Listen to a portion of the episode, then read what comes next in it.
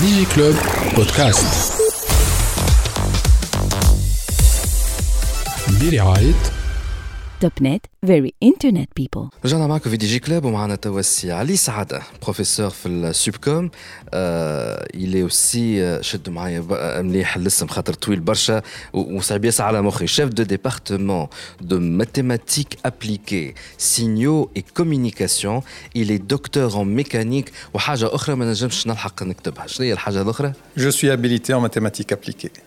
حاجة صعيبة على الآخر المخي أنا كان أنتم تفهموا فيها.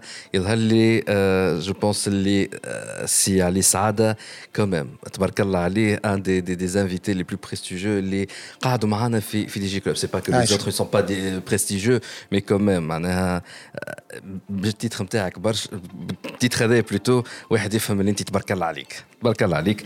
إيه، وكان جيت معنا اليوم على خاطر فما انيسياتيف زادة تبارك الله عليها. تحفونا برشا.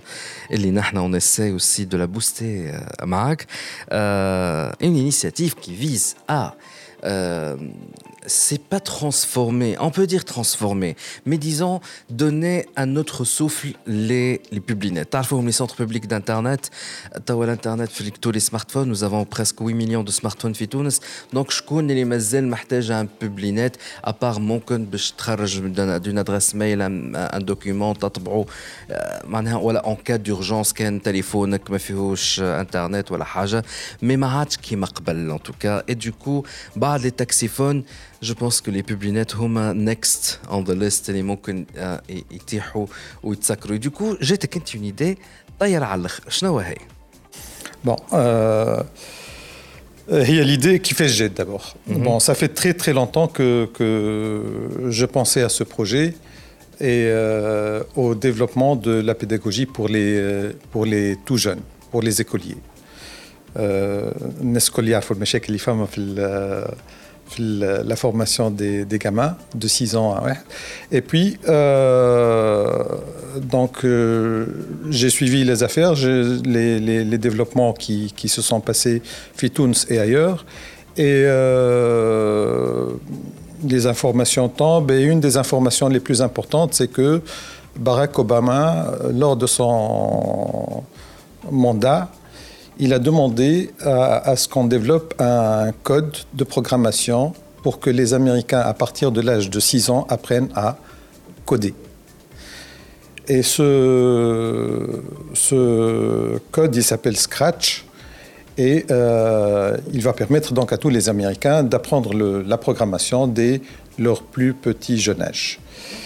Et euh, à côté de ça, il y a, on parle beaucoup de fractures numériques euh, qui séparent le nord et le sud. Et euh, je me dis que si on continue à fonctionner de cette manière-là, avec nos enfants qui commencent à apprendre Scratch à l'âge de 12 ans, 13 ans, et euh, 6 ans, c'est beaucoup pour un, un gamin. La différence, elle est énorme.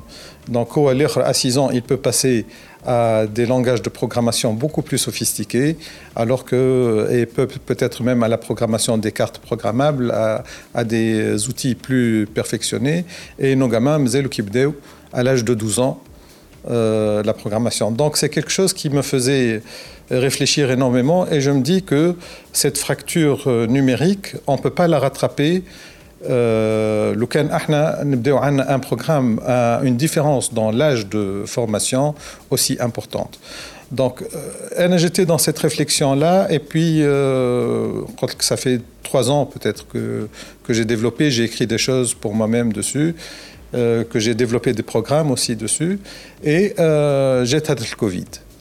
J'ai été le Covid, et euh, les enfants se sont retrouvés euh, sans école, euh, euh, livrés à eux-mêmes dans la rue. Et euh, moi, euh, j'habite un quartier relativement pauvre. Et, J'habite un quartier relativement pauvre. Et dans ce quartier, je sors et je vois les gamins dans la rue en train de rien faire. Pour ne pas dire qu'ils font peut-être des choses pas très bien. Et c'est ce qui, en fait, qui gible la délinquance euh, ah, voilà. chez les jeunes. Euh, voilà. Voilà. Et donc ça, c'est un stress supplémentaire qui s'est fait. Bon, j'ai un bon contact avec mes voisins.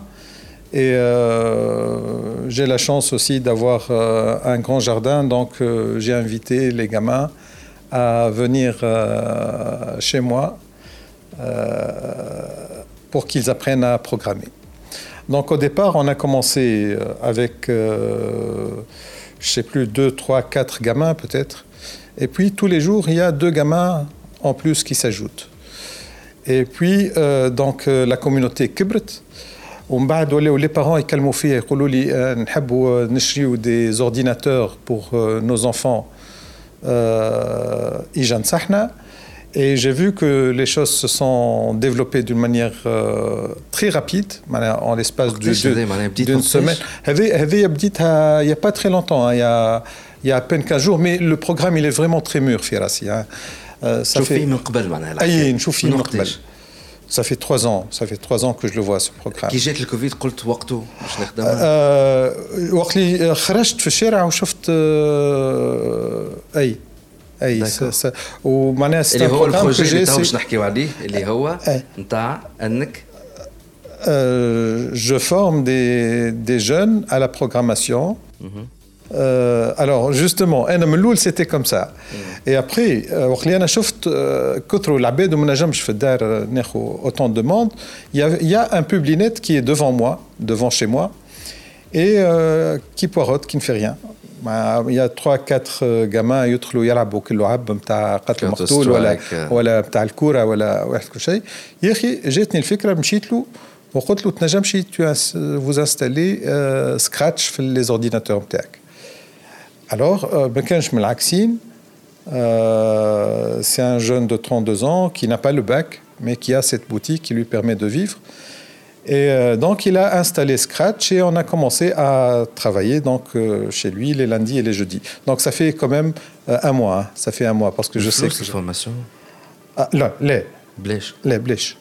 الوغ على حساب فما معك شويه مصروف كمان انا انا انا نكري نكري بفلوسي لي لو طون دو فورماسيون هذاك اللي نعملها لل وعلاش ما عملتهاش حتى بساعه الرمزي الفورماسيون لا انا مش انا مش انا انا انا نخلص على التلامذه باش هما ينجموا يكريوا لل للبوبلينات لي زورديناتور معناها ما يخلصوكش انت انت لا ما يخلصونيش جراتويتمون لا فورماسيون من عندك انت مي هما يخلصوا البوبلينات هما يخلصوا البوبلينات ça c'est excellent et, et plus que ça ce qui est extraordinaire c'est que هو il s'est mis à apprendre avec eux et plus que ça c'est que les parents sont venus demander à faire des abonnements chez lui باش يوليو هما خاطر انا نعطي des exercices باش هما يوليو ينجموا يدخلوا يعملوا لي زيكزارسيس قداش الشيفر دافير نتاعو طلع في البوبينات Je ne sais pas, je n'ai aucune idée, je, je, je, je n'ose pas واحد, mais ce qui est sûr c'est que الجمعة هذه هو جاني قال لي عندي جراج كبير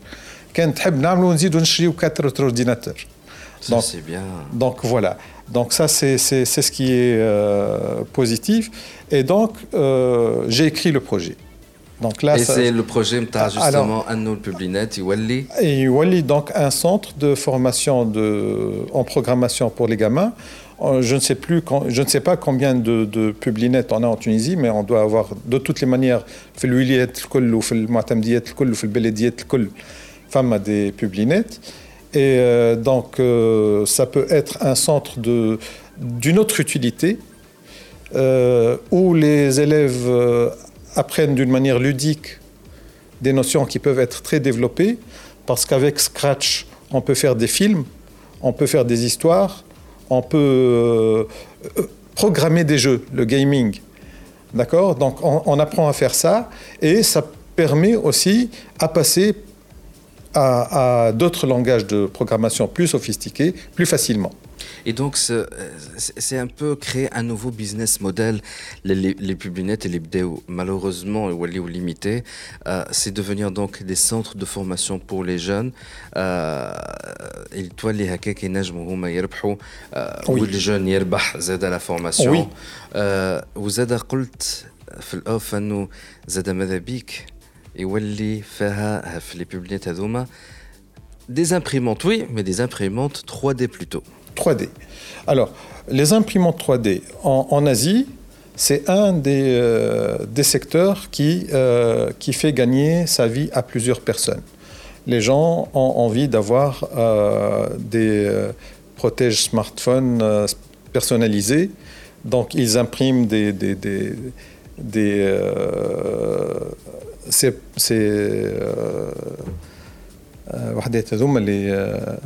Comment on appelle ça les, les caches les, les, caches, les caches de téléphone avec les noms des personnes, avec euh, Zina spécial. Zina spécial. Donc ça, ça fait vivre une certaine population. Et euh, aussi, il ne faut pas oublier que euh, le PLA, par exemple, qui est utilisé pour les imprimantes 3D, il peut arriver à des températures assez importante.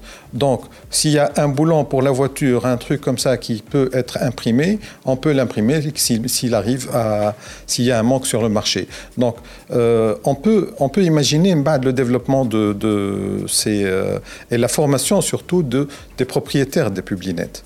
Donc, la formation, euh, l'impression 3D, elle demande elle exige une formation dans les logiciels de dessin 3D. Donc, ce n'est pas une, euh, une formation extraordinaire. Elle est accessible à presque tout le monde. Et, euh, et, ça peut quand même résorber, aider à résorber le chômage. Et surtout, je reviens à cette, cette idée de, euh, de diminuer la fracture numérique. Parce que quand on intériorise en nous, dès le jeune âge, ces technologies nouvelles, on est euh, plus apte à comprendre les technologies numériques, enfin tout, le, tout le, toute la portée de ces technologies-là et les adopter. Et puis, euh, euh, des, des voitures sans, sans conducteur ou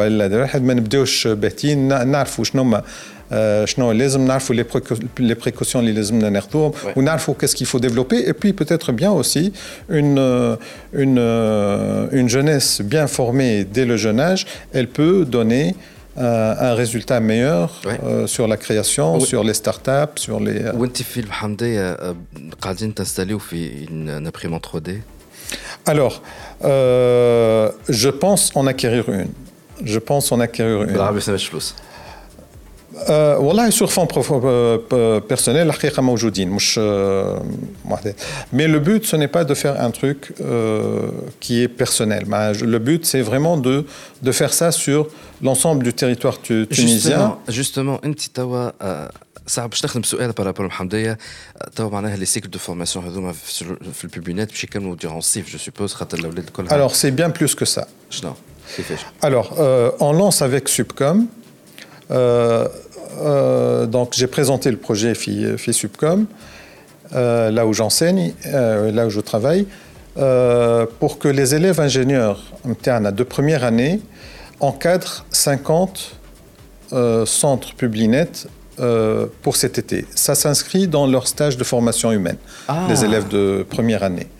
Donc, et on a pris la décision de choisir ces 50 élèves répartis sur l'ensemble du territoire tunisien.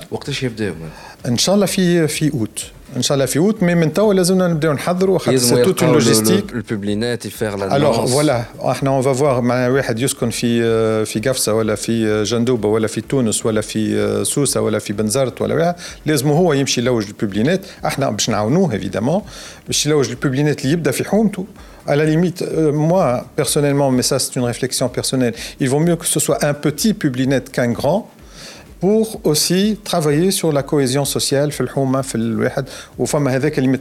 il va encadrer euh, les gamins.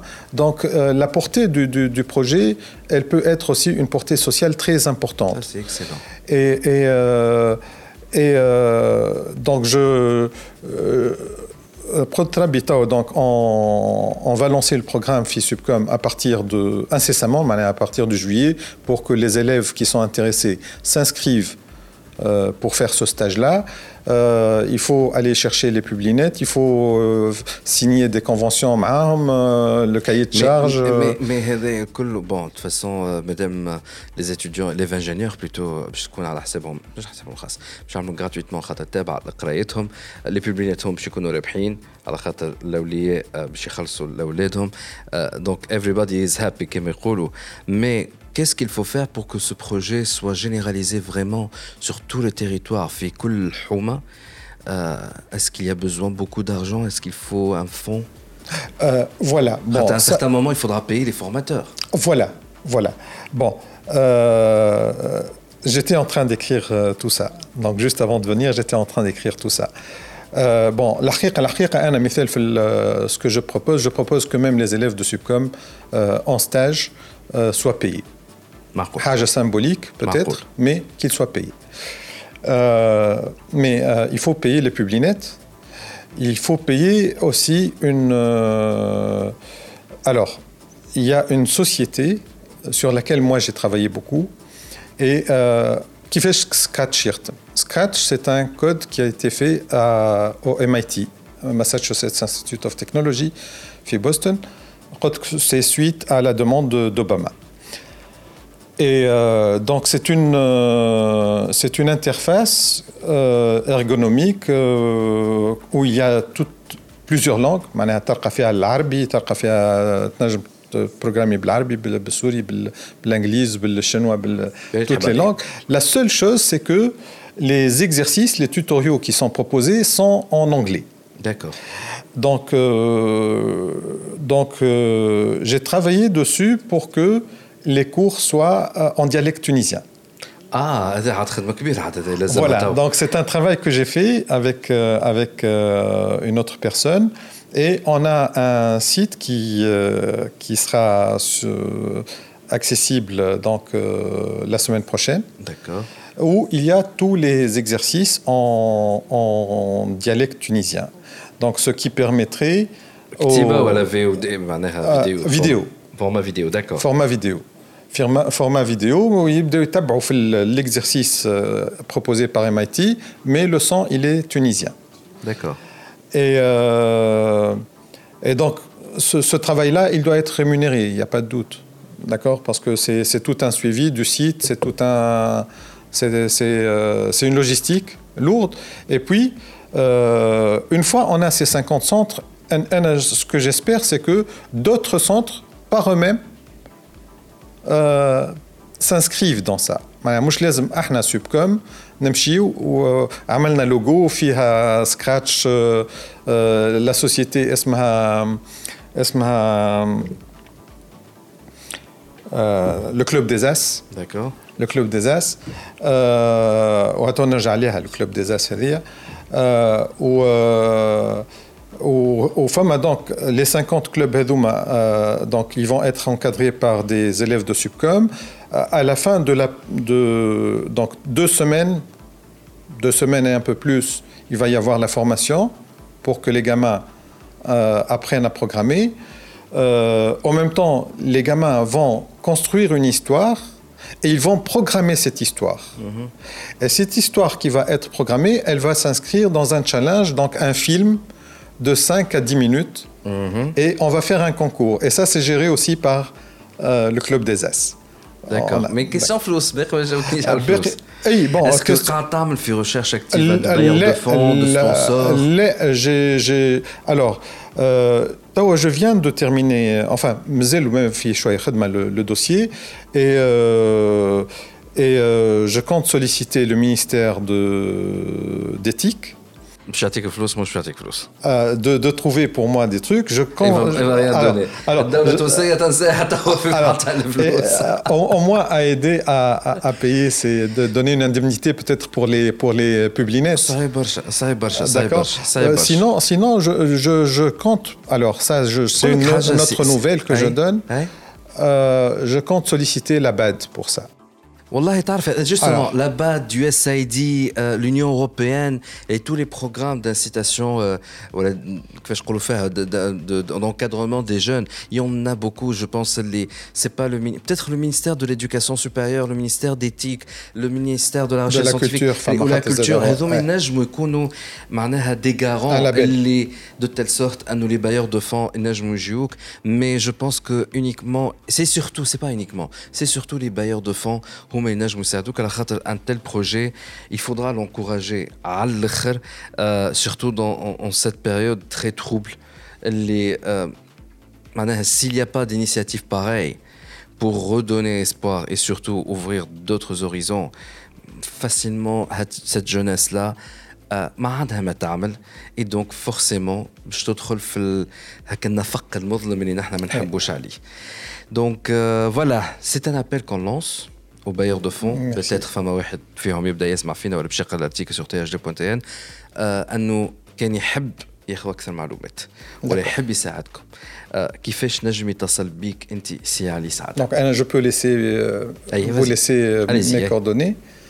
Euh, bon, euh, مش بيرسونيل ها فوالا الشوق قداش بعد يتغش عليه اي اي اي اي اي ايواش دونك جو سوي ا سوبكوم داكور سي علي سعاده علي سعاده بروفيسور ا سوبكوم اي دونك اسكو il y a un LinkedIn Euh, j'ai un liquidine. La je, je ne suis pas très in sur ce truc-là. Je, je, je, D'accord. Est-ce qu'il y a une adresse mail? Là, je vais Oui, ali.saada.subcom.tn. Voilà, ali.saada, S-A-A-D-A. C'est ça. Arrobase, subcom.tn. .tn. Voilà.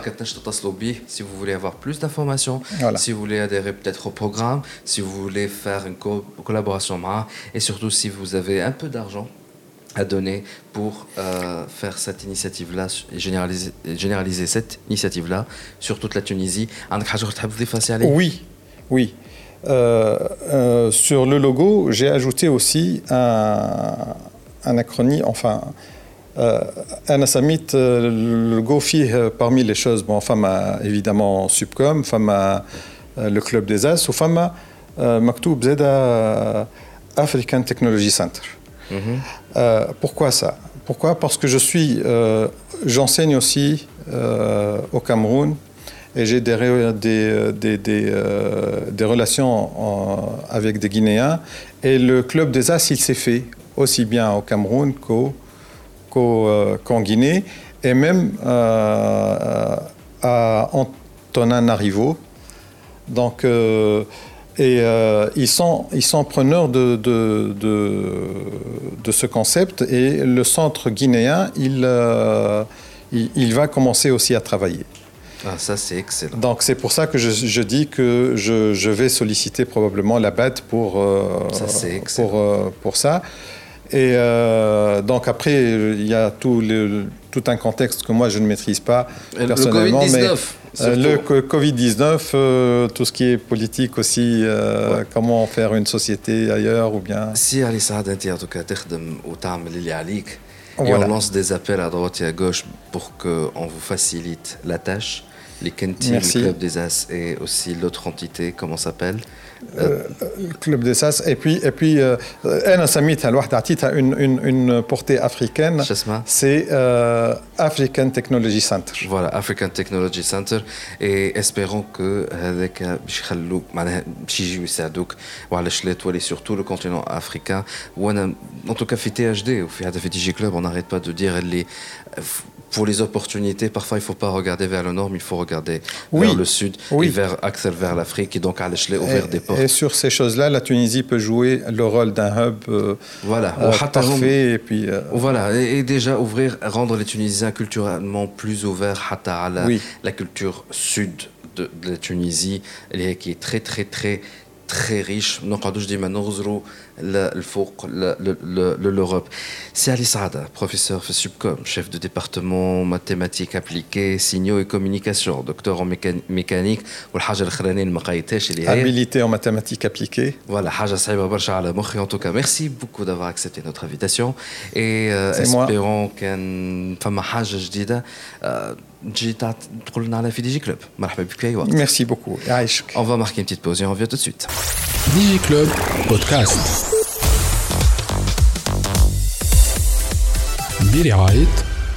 Topnet, very internet people.